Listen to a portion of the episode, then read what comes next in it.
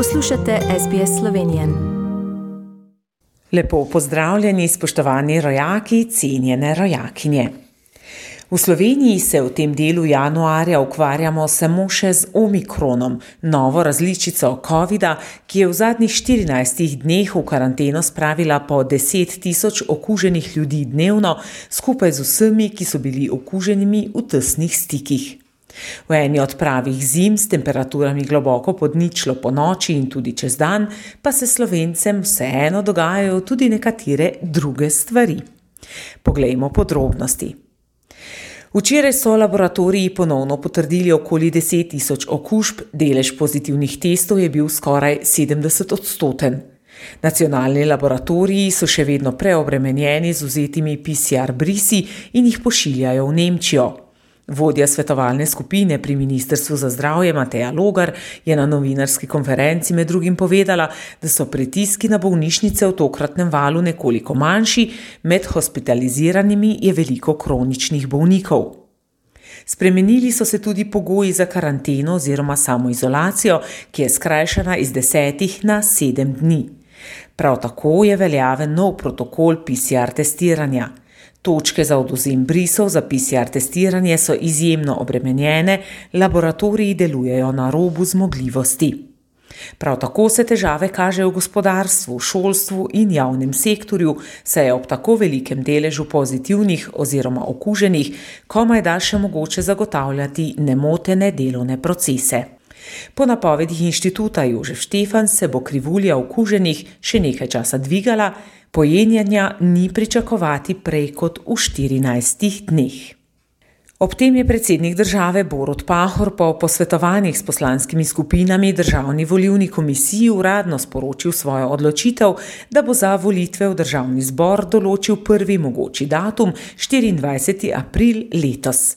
Pahor ob tem ocenjuje, da ima državna volivna komisija dovolj časa, da tudi v COVID-nih razmerah pripravi, organizira in izvede volitve tako, da ob izidih volitev ne bo nobene sence dvoma.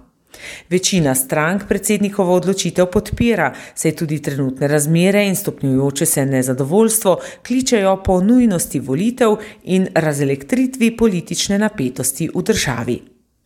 Na volitve se tako v večini stranke že pripravljajo, na politični parket pa stopajo tudi novi akteri. Med njimi je trenutno največja uganka Robert Golob, nekdani predsednik uprave energetske družbe Geni.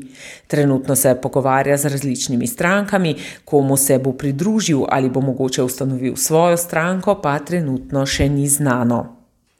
Slovenska politika pa se trenutno ukvarja še z enim zunanje političnim vprašanjem.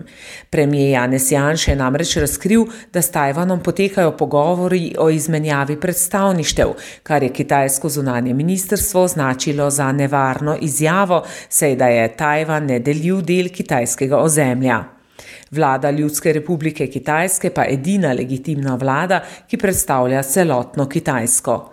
Do premijejeve izjave so kritične tudi nekatere domače politične stranke, ki so zahtevale nujno sejo odbora za zunanjo politiko. Ministrstvo za šolstvo je objavilo razpis za upis novincev v srednje šole in dijaške domove za šolsko leto 2022-2023. Na srednjih šolah je razpisanih 25.198 upisnih mest. Osnovno šolo v letošnjem šolskem letu končuje 19.881 učencev, nekaj sto več kot lani. Pretekli konec tedna pa je bil črn teden za slovenske gore. Življenje v gorah je namreč izgubilo kar šest pohodnikov oziroma planincev. Pod tri glavom v istem dnevu kar dva. Prelepi dnevi obsijani soncem v zasnežene gore privabljajo planince, ki veliko krat precenijo razmere.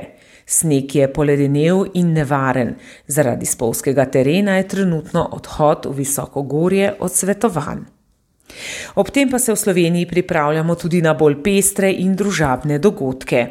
V Črni na Koroškem se obeta 30. gradnja gradov kralja Matjaža, ki vsako leto v dolino pod Peco privabi številne obiskovalce, snežne skulpture pa ob ugodnih vremenskih razmerah ustrajajo vsaj še nekaj dni. Letos bo dogodek pod posebnimi pogoji, ogledati pa si bo mogoče tudi ledene skulpture, ki jih z motorno žago izrezlja umetnik tega poklica. Na Ptuju pa se že pripravljajo na odganjanje zime. Kurentovanje bo letos znova le na spletu, a kurenti obljubljajo: odganjali bomo vse slabo in zlo, tudi virus. Kurentovanje ostaja virtualno, organizatorji pa verjamejo, da je tokrat zadnjič. Povorki in veseljačenja tako ne bo, bo pa županja vseeno predala oblast princu karnevala.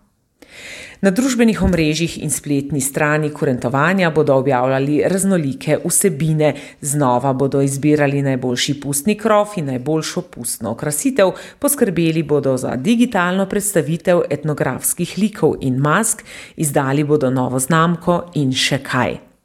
Tako se nam na pustovanju lahko pridružite tudi vi, spoštovani rojaki. Novice iz domovine sem za vas pripravila Katarina Valentar, ki vas prav lepo pozdravljam. Všečkaj, deli, komentiraj. Spremljaj SBS Slovenijo na Facebooku.